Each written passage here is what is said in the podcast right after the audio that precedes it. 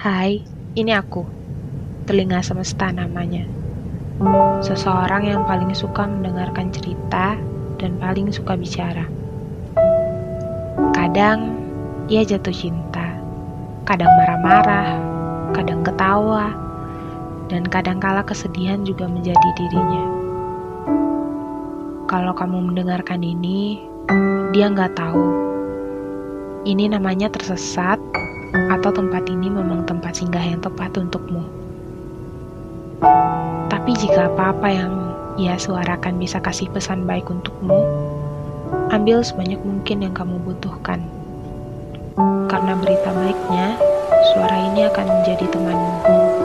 Jadi, selamat mendengarkan.